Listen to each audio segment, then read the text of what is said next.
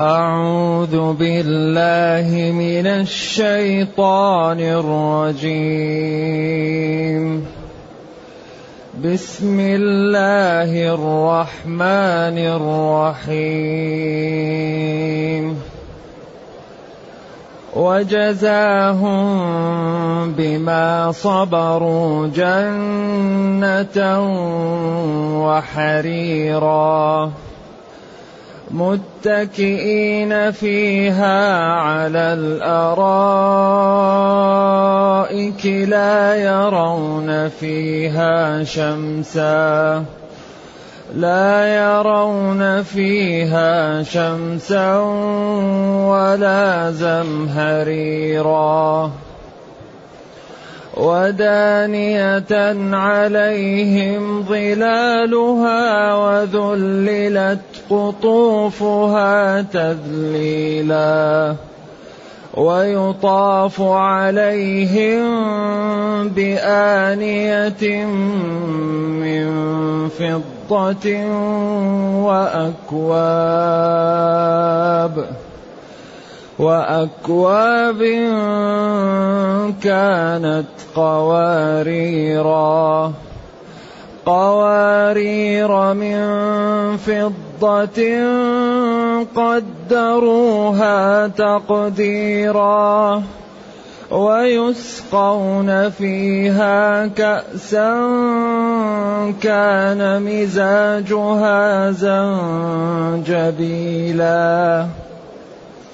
عينا فيها تسمى سلسبيلا ويطوف عليهم ولدان مخلدون إذا رأيتهم إذا رأيتهم حسبتهم لؤلؤا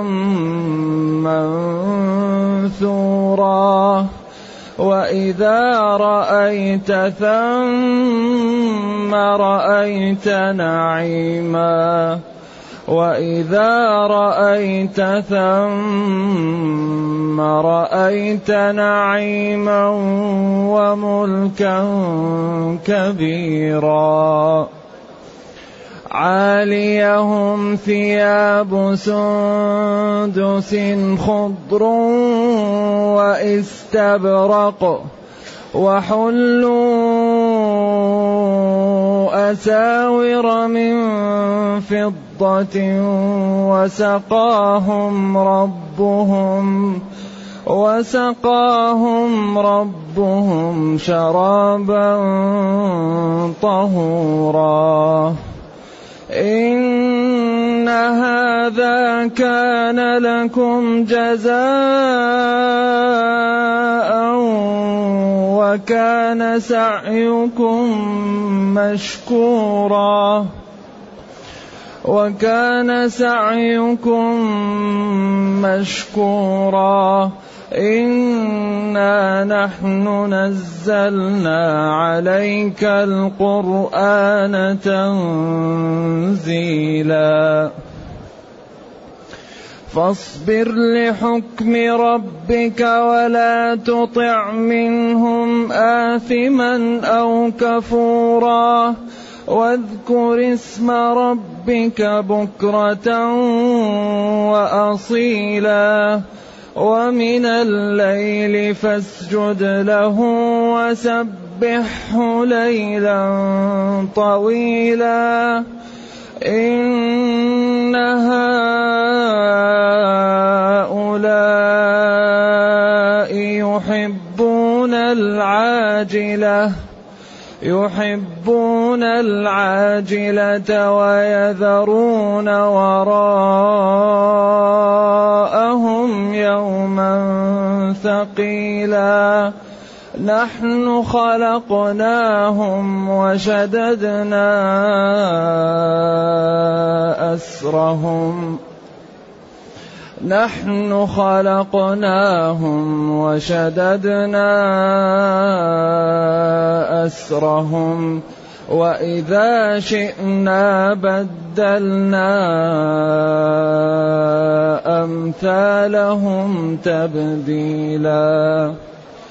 إن هذه تذكرة فمن شاء اتخذ إلى ربه سبيلا وما تشاءون إلا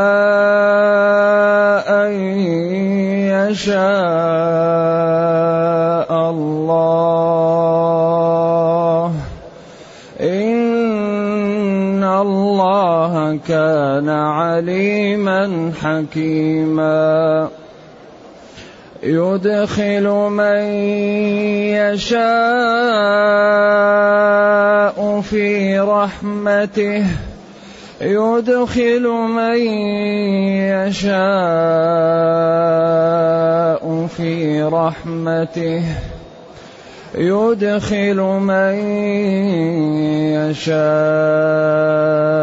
في رحمته والظالمين أعد لهم عذابا اليما. الحمد لله الذي أنزل إلينا أشمل كتاب وأرسل إلينا أفضل الرسل وجعلنا خير أمة أخرجت للناس فله الحمد وله الشكر على هذه النعم العظيمة والآلاء الجسيمة والصلاة والسلام على خير خلق الله وعلى آله وأصحابه ومن اهتدى بهداه. أما بعد فإن الله جل وعلا يبين جزاء المتقين. ليكون ذلك قدوة لأصحاب الفضل والهمة وجزاهم. الجزاء هو الأجرة الذي يعطى للإنسان على عمل. يقال له الجزاء ويقال له الأجر ويقال له المكافأة. جزاهم أي أعطاهم. بما صبروا بسبب صبرهم أو بالذي صبروه في الدنيا. كانوا يصبرون على الطاعة. عطش. على القيام متعب ونعاس. على البذل يحب ماله. على الصبر. بما صبروا. على ما ينال الإنسان. كان يحب الشهوة. الحرام يصبر عنها. ليربح هذا اليوم. وذلك قالوا إن الصبر أربع أقسام والجمهور قالوا ثلاثة أقسام. صبر على الطاعة وصبر عن المعصية وصبر على أقدار الله. وبعضهم زاد نوعا رابعا من الصبر وهو الصبر على النعم. بعض الناس إذا جاءته النعم لا يصبر عليها يكفرها ولا يشكرها. فجعلوا هذا يعني الصبر على النعم نوع رابع وبعدهم جعلوا الصبر على على الطاعة. يعني يصبر على أن يشكر الله وعلى أن يطيعه لما أعطاه من النعم. ولذلك من أكبر أسباب تثبيت النعم الشكر. لئن شكرتم لأزيدنكم.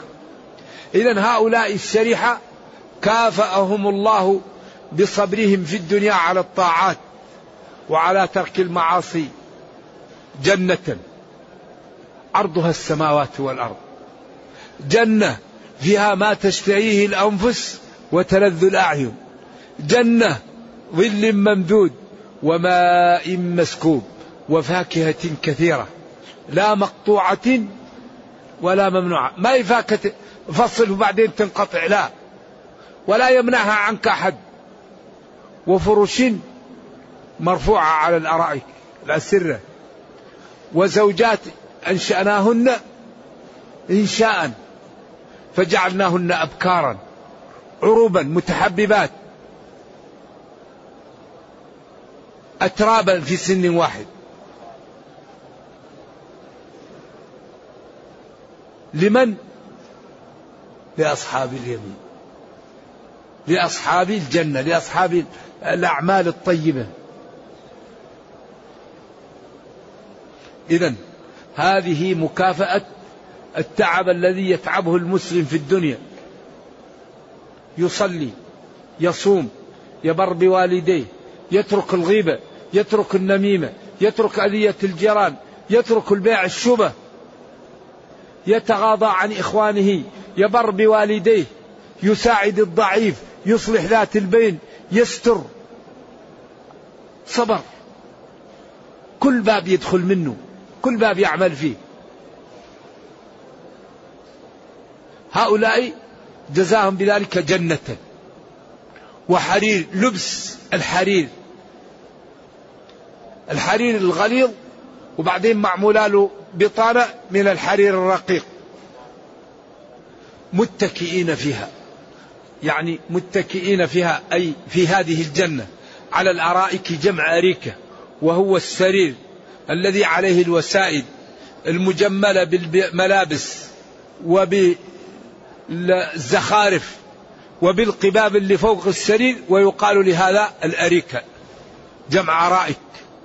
ولذلك لا يقال للسرير أريكة إلا إذا كان فيه حجال وفيه وسائد وفيه شلاشف ومجمل بهذا يقال له الأريكة. إذا كان سرير ما عليه هذا لا يقال له الأريكة يقال له السرير لا يرون فيها في الجنة حرا ولا بردا. فعبر عن الحر بالشمس وعبر عن البرد بالزمهرير. وهنا قال ودانية عليهم ظلالها. هذا يعني تعبير باللازم. لأن إذا كانت الأغصان متدلية حتما يكون فيه ظلال لو كانت فيه شمس. فعبر عن الأغصان وعن تدليها وقربها منهم بالظلال. وإلا الجنة ما فيها شمس. لا حر ولا برد وذللت قطوفها تأتيك على قدر الحاجة. واقف يكون الغصن تصله. تجلس ينزل لك الغصن. تتكئ ينزل لك الغصن. في فيها ما لا عين رأت ولا أذن سمعت ولا خطر. طيب بالله عليكم هل العاقل ما يبحث أن يكون من أهل الجنة؟ العاقل تفوت الجنة؟ العاقل يكون من أهل النار؟ أعوذ بالله. بعدين لم يكلفنا بمستحيل. كل ما يدخلنا الجنة ميسور. ولم يحرم علينا ربنا شيئا إلا عوضه بشيء حلال. شراب حرام في شراب حلال. نظر حرام في نظر حلال. كلام حرام في كلام حلال. اتصال حرام في اتصال حلال. لم بيع حرام فيه بيع حلال. لم يحرم الرب علينا شيئا إلا عوضنا بشيء أحله عوضا عنه. ولم يجعل لنا ضيق فإذا اضطررنا ربنا كريم. إلا ما اضطررتم إليه. ويطاف عليهم هؤلاء أهل الجنة بآنيته. الآنية من فضة الإناء من فضة وأكواب جمع كوب وهو الإناء الذي لا عروة له. ما هو زي الكوز. وأكواب كانت قوارير قواريرا من فضة. قالوا إن أرض الجنة من الفضة وإن الزجاج يعمل من الأرض. وإن أرض الجنة فضة فقوارير أهل الجنة من الفضة. لأن الزجاج يعمل من من أرض البلد. والجنة أرضها فضة فعملت قواريرها من الفضة. هكذا قال المفسرون. وقالوا هي في بياضها كالفضة وفي صفائها كالزجاج. معمولة من الفضة لكن صفت صفت صفت حتى صارت مثل الزجاج. هذا الشيء لا يوجد في الدنيا مثل هذا. قدروها تقديرا. هذا الذي صنعوه كل كوب يروي صاحبه. لا ينقص ولا يزيد. لا ينقص ليبقى له شيء ولا يزيد عليه ليثقل عليه أو, أو يكون له مشكلة. كل كوب فيما يكفي صاحبه لا يزيد عليه ولا ينقص. تماما للأنس وللمتعة. ويسقون فيها كأسا. الكأس هي الإناء الملاء ملأ. كان مزاجها يعني خلطها أو ختمها زنجبيلا. بحيث تكون لها رائحة جميلة ولها طعم لذيذ ولها لون أيضا. فكل الحواس تتمتع بهذا الشراب. الطعم جميل. والرائحة جميلة. واللون جميل.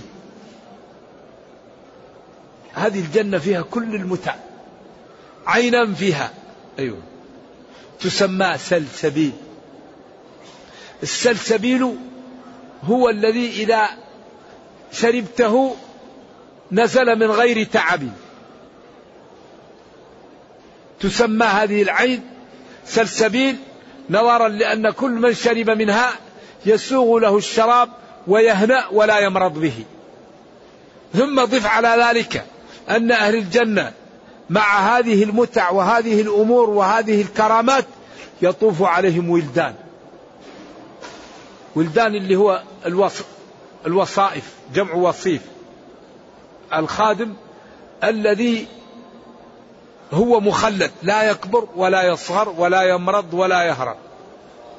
ويطوف عليهم ولدان مخلدون إذا رأيتهم اعتقدت أنهم لؤلؤ وإذا رأيتهم حسبتهم لؤلؤا منثور. بعدين اللؤلؤ لجماله أجمل هو إذا نثر من إذا جعل في العقد. لأن كل لؤلؤة جميلة فإذا جعلت مع بعض ما يكون جميل لأن اللؤلؤ كل واحدة أجمل من الثانية ما يكون جيد. لكن إذا نثرت اللؤلؤ كل واحدة لحالها يكون هذا جميل. اللؤلؤ لجماله ما زي غيره. إذا نثرت يظهر جماله لأنه يألألأ هنا وهنا وهنا. فيكون أجمل. فهم متفرقون في الخدمة. واحد يصب واحد يعمل واحد فهم كأنهم كاللؤلؤ المكنون المنثور نتيجة لتفرقهم للخدمة. وعدم تنظيمهم في هذا الشيء. ظننتهم واعتقدتهم لؤلؤا منثورا؟ وإذا رأيت ثم هناك رأيت نعيما كرامة وفضلا وأنسا واحتراما وطمأنينة وسرورا وبهجة وجمالا وحسنا. نعيم لا يعلمه إلا الله. نعيم للعين. نعيم للأذن. نعيم للطعم. نعيم لكل شيء. تنظر إلى ما يمتعك. تسمع ما يفرحك. ترى ما يفرحك. يعني تشرب ما يفرحك. تأكل ما يفرحك. تتأنس بما ينعمك. رأيت هناك نعيم لا مثيل له. وملكا كبيرا. قالوا أكبر الملك تأتيهم الملائكة وتسلم عليهم وتحتريهم تحترمهم ولهم الحجاب ولهم شيء لا يعلمه إلا الله. بعدين قال عاليهم عاليهم. يا ساكنة أو مفتوحة. ثياب السندس. من الحرير الغليظ واستبرق وبطانتها استبرق. ثياب خضر لأن الخضار جميل. خضراء دائما تجلي عن القلب الحسن الحسن ليش؟ الماء والخضراء أيوة يفرح القلب. الماء والخضرة والنظر إلى الشيء الجميل. هذا يزيل عن القلب يعني الحزن فالخضرة جميلة دائما ولذلك النبات أخضر. عليه ثياب سندس من من الحرير الغليظ وبطانة من الحرير الرقيق وهي خضر. وحلوا من أساور من فضة. إذا إذا كانت الخدم بهذه الصفة فما صفة المخدومين؟ إذا كان الخادمون هذه صفتهم فما صفة المخدومين؟ كيف يكون؟ هؤلاء صفة الخدام أين المخدومون؟ كيف هم؟ بعدين وسقاهم ربهم شرابا؟ طهورا. بعض العلماء أخذ من هذه الآية نجاسة الخمر في الدنيا. وسقاهم ربهم شرابا طهورا. نجاسة الخمر في الدنيا أنه نجس. وإن كان الإمام أبو حنيفة يقول إنه طاهر. لكن قوله تعالى إنما الخمر والميسر والأنصاب والأزلام رجس. وقوله هنا وسقاهم ربهم شرابا طهورا. يفهم من دليل الخطاب أن خمر الدنيا غير طاهر. نعم. وعلى كل حال الخمر أم الخبائث. لا يوجد مصيبة أكبر من الخمر. لأن الإنسان إذا شرب الخمر فقد عقله. وإذا فقد عقله يمكن يعمل كل الذنوب. يمكن يقتل ويعمل فاحشة ويكفر. فلذلك هي أم الخبائث. ولذلك قال فاجتنبوه. فهل أنتم منتهون؟ قالوا انتهينا. قال عمر اللهم بين لنا في الخمر. اللهم بين لنا في الخمر. نعم.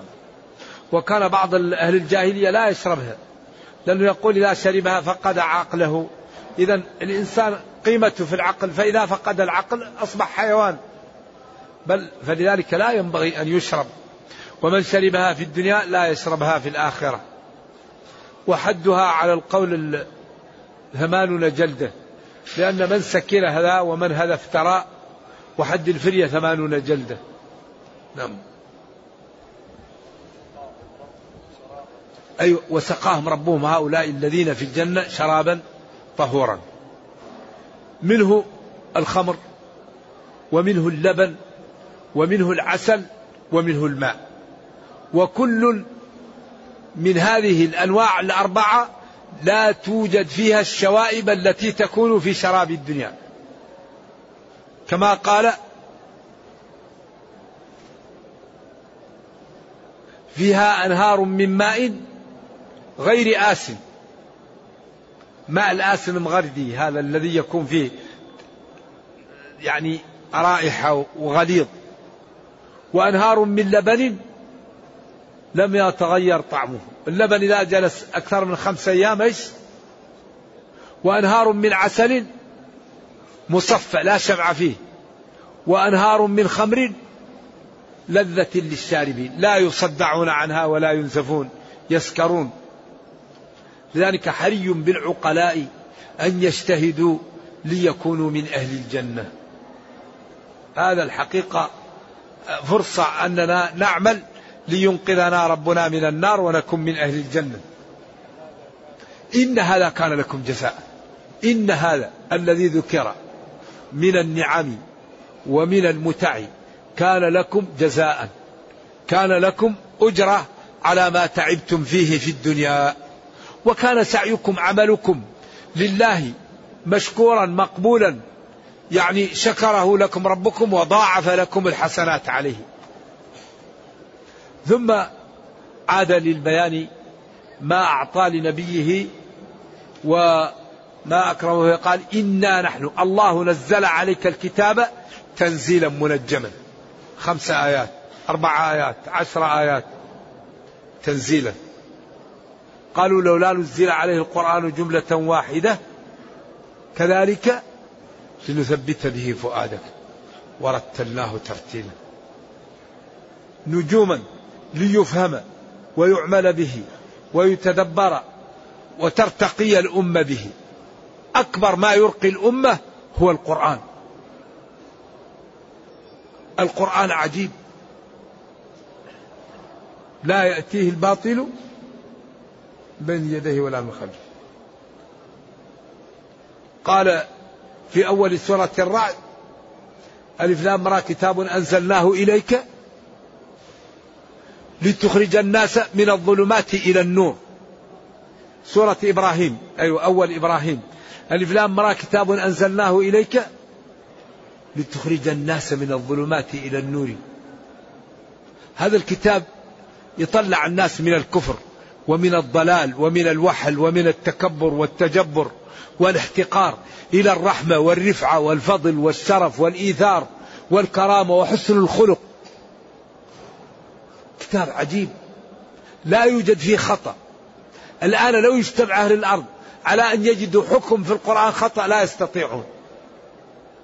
كتاب مليء بالأحكام الأوامر والنواهي والأخبار فيه كل شيء من يوم ما انتشأت الدنيا إلى أن يدخل أهل الجنة أهل الجنة وأهل النار النار موجود في الكتاب. كل شيء. ولا يوجد فيه شيء كذب. لذلك هذا الكتاب. لا بد أن نبلغه للعالم. لا بد أن نفهم العالم هذا الدين. لا بد أن ننقذ ما استطعنا إنقاذه من البشرية من دخول النار. المسؤولية على هذه الأمة عظيمة لأن الله اصطفاها وفضلها وشرفها. والغلم بالغرم. على قدر الفضيلة تكون المسؤولية. هذه أمة كنتم خير أمة؟ أخرجت للناس. إذا لا بد أن يكون لنا برامج جادة لإنقاذ البشرية. وأكبر شيء ننقذ به البشرية وأكثر اختصار هو أن نفهمهم هذا الدين. فاصبر لحكم ربك. اصبر. أصبر لحكم ربك. إذا كان حكما كونيا قدريا فلا مرد له وارض بما كتب الله لك. وإذا كان حكما شرعيا فلا بد أن تطبقه وتعمل به. اصبر لحكم ربك. فارض بالقدر منه واعمل بالشرع منه. أيوة. والأحكام فيها حكم كوني قدري وفي حكم شرعي. فالأحكام الشرعية هي اللي يطالب بها وقد توافقها الإرادة الكونية وقد لا توافقها. ولا تطع منهم آثما أو كفورا. واذكر اسم ربك بكرة وأصيلا. صل في الفجر وصل الظهر والعصر. ومن الليل وصل المغرب والعشاء. على قول. واذكر اسم ربك بكرة وأصيلا. اذكر الأذكار الواردة في الصباح والمساء. أو افعل الجميع. صل الصلوات وقم بالأذكار وصل النوافل وبالأخص الليل.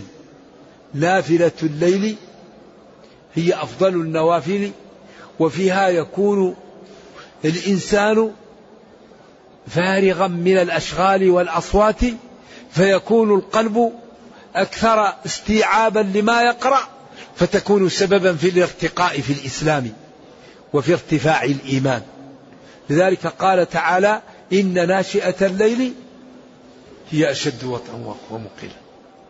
فإذا قام المسلم في جوف الليل وصلى يجد الانشراح يجد المتعة يجد الخشوع تتنزل الرحمات يبتعد عن الأصوات تشوش عليه يبتعد عن الناس يراها قد يرائي أو يدخله إعجاب.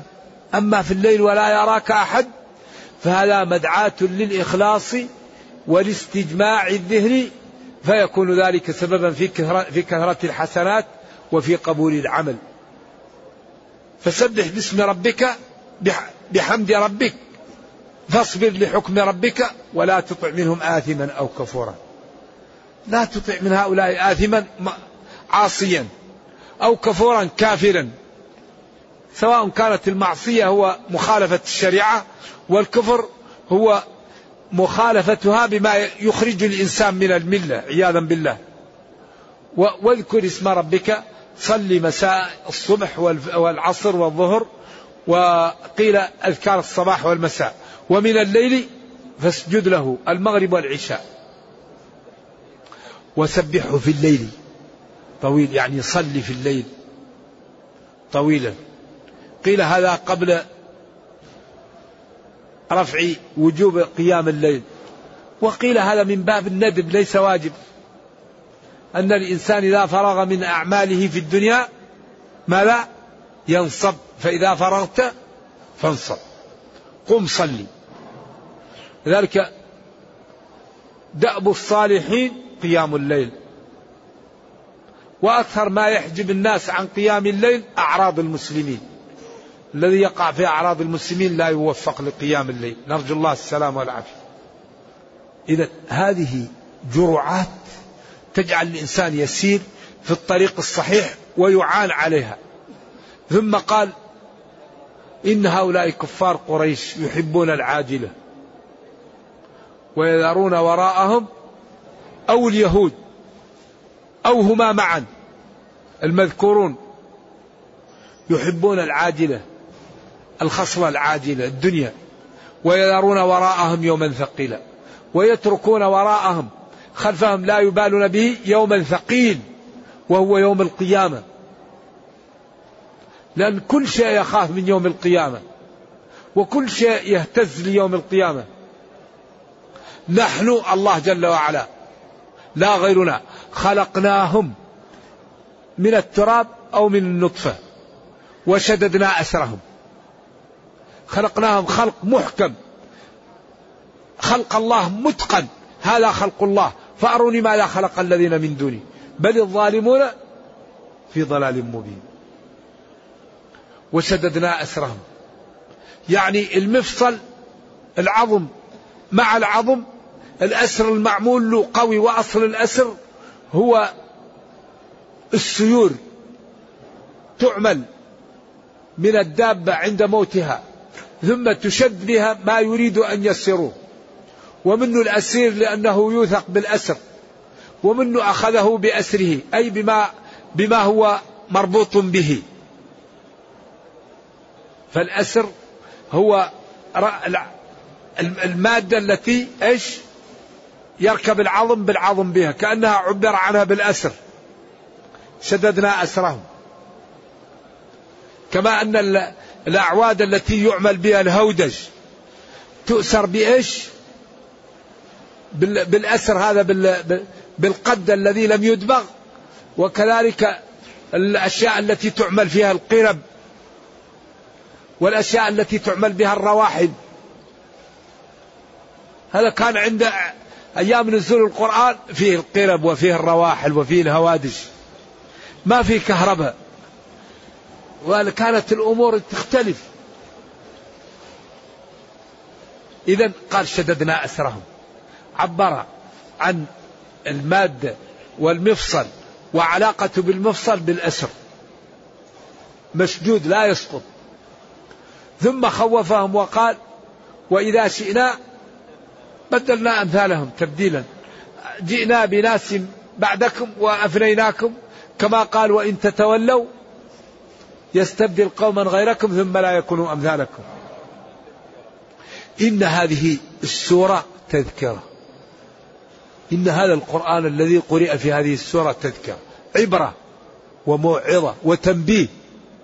فمن شاء اتخذ إلى ربه طريقا ينجو بها من عذاب الله ومن سخطه ومن الفضيحة على رؤوس الأشهاد.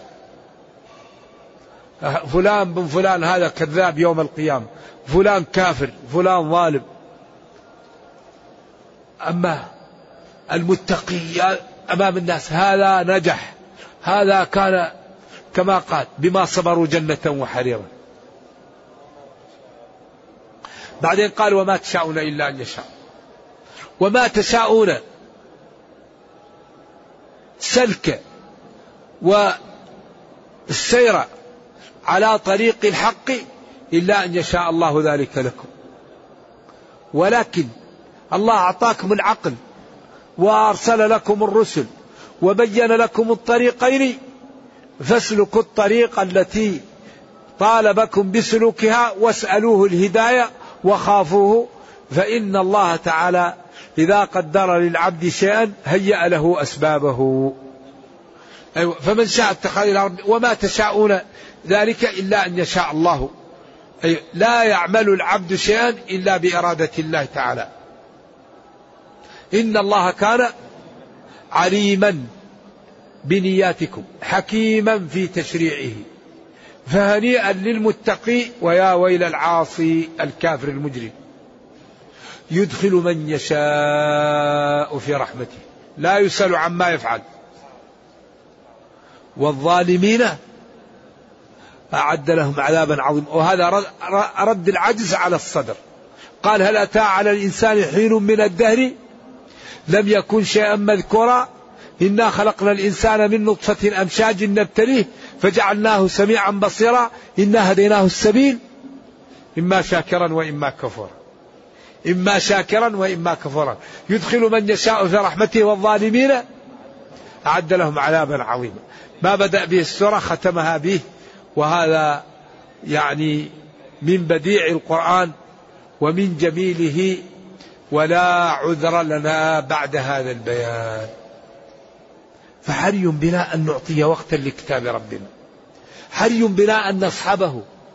حري بنا أن نتبع أوامره ونمتثلها حري بنا أن نفهم نواهيه ونجتنبها. حري بنا أن نتخلق بالأخلاق التي يدعو إليها. حري بنا أن نتربى على هذا الشرع الجميل حتى يعزنا الله يعزنا الله في الدنيا ويرحمنا في الأخرى. نرجو الله جل وعلا أن يرينا الحق حقا ويرزقنا اتباعه وأن يرينا الباطل باطلا ويرزقنا اجتنابه وأن لا يجعل الأمر ملتبسا علينا فنضل. اللهم ربنا أتنا في الدنيا حسنة وفي الآخرة حسنة وقنا عذاب النار. اللهم اختم بالسعادة آجالنا واقرم بالعافية صدونا وآصالنا واجعل إلى جنتك مصيرنا ومآلنا. سبحان ربك رب العزة عما يصفون. سلام على المرسلين. والحمد لله رب العالمين. وصلى الله وسلم وبارك على نبينا محمد وعلى آله وصحبه. والسلام عليكم ورحمة الله وبركاته.